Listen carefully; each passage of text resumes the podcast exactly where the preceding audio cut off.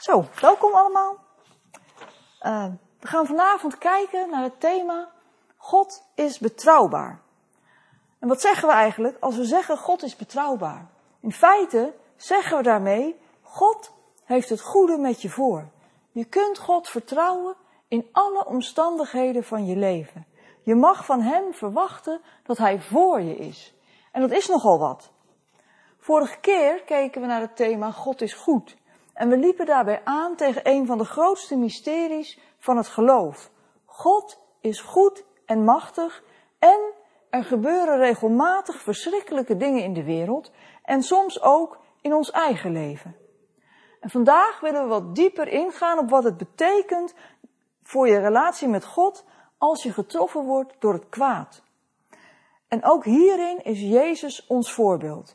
Want wat deed Jezus toen er iets gebeurde dat zijn vertrouwen in God op de proef stelde? Voor Jezus kwam dat moment vlak voordat hij gevangen genomen werd. Hij wist dat dat moment zou komen en zag er enorm tegenop. En we lezen daarover in Matthäus 26, vers 36 tot 44.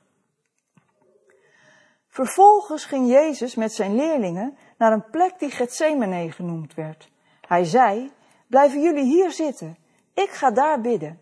Hij nam Petrus en de twee zonen van Zebedeus met zich mee. Toen hij bedroefd en angstig begon te worden, zei hij tegen hen, ik ben diep bedroefd, tot stervens toe, blijf hier met mij waken. Hij liep nog een stukje verder, liet zich voorovervallen op de grond en bad, Vader, als het mogelijk is, laat deze beker dan aan mij voorbij gaan. Maar laat het niet gebeuren zoals ik het wil, maar zoals u het wilt. Hij liep terug naar de leerlingen en zag dat ze lagen te slapen. Hij zei tegen Petrus, konden jullie niet eens één uur met mij waken? Blijf wakker en bid dat jullie niet in beproeving komen. De geest is wel gewillig, maar het lichaam is zwak. Voor de tweede maal liep hij bij hen vandaan en bad, Vader, als het niet mogelijk is dat deze beker aan mij voorbij gaat, zonder dat ik eruit drink, laat het dan gebeuren zoals u het wilt.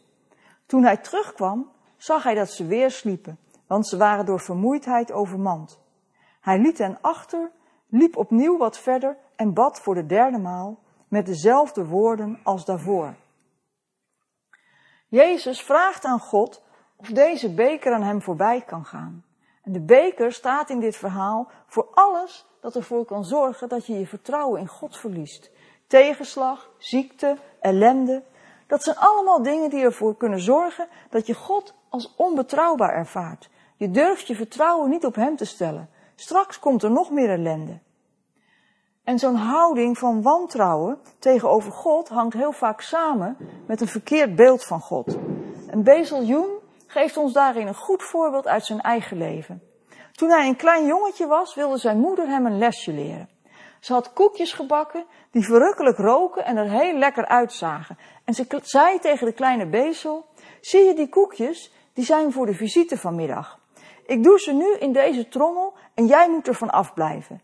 Ik moet even weg voor een boodschap, maar let op, God ziet alles. De kleine bezel bleef keurig van de koekjes af, maar in zijn hoofd had zich een beeld gevormd van de God van de koektrommel. En wie is de God van de koektrommel? En wat doet hij? De God van de koektrommel is een God die altijd op je let en bij de minste of geringste overtreding, fout of vergissing niet zal nalaten om je erop te wijzen en je ervoor te straffen. Het is geen God die het goede met je voor heeft. Integendeel, voor deze God moet je op je hoede zijn. En Bezel was al lang en breed tot monnik gewijd toen hij erachter kwam dat hij zo'n verkeerd beeld van God had. De God van de koekjestrommel zat hem in de weg.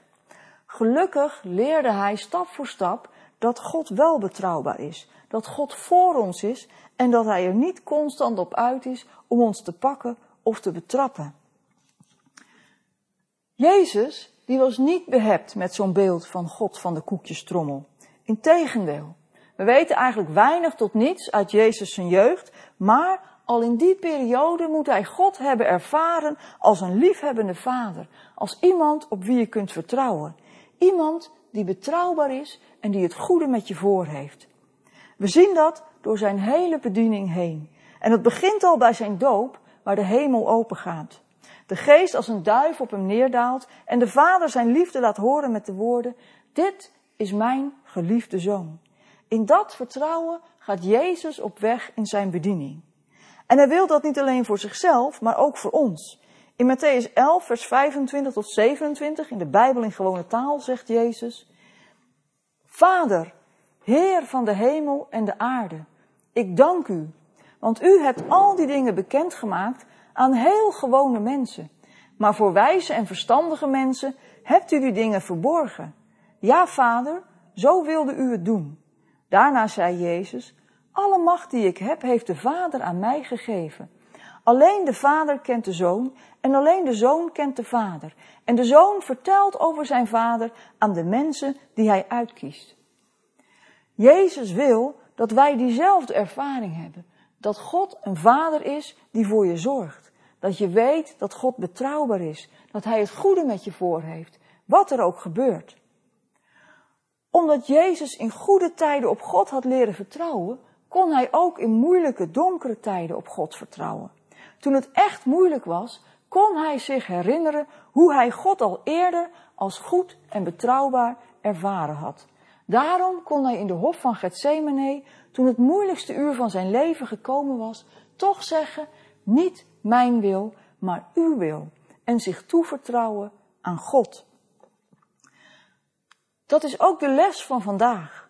Welk beeld van God heb je? Is God de God van de koekjestrommel voor jou? De God waar je voor moet oppassen? De God die je elk moment kan straffen? Of is God voor jou de liefhebbende Vader die Jezus voor zich zag? De God die jou oneindig lief heeft en altijd het goede met je voor heeft. Hoe ga je om met God in tijden dat het goed gaat? Let je op de momenten waarop je de goedheid en de betrouwbaarheid van God in je leven kunt zien, zodat je iets hebt om op terug te vallen als er minder goede tijden komen. God is betrouwbaar. Hij heeft het beste met je voor. Hij is altijd voor jou en je kunt op Hem vertrouwen in alle omstandigheden van je leven. Jezus heeft het ons laten zien. Amen.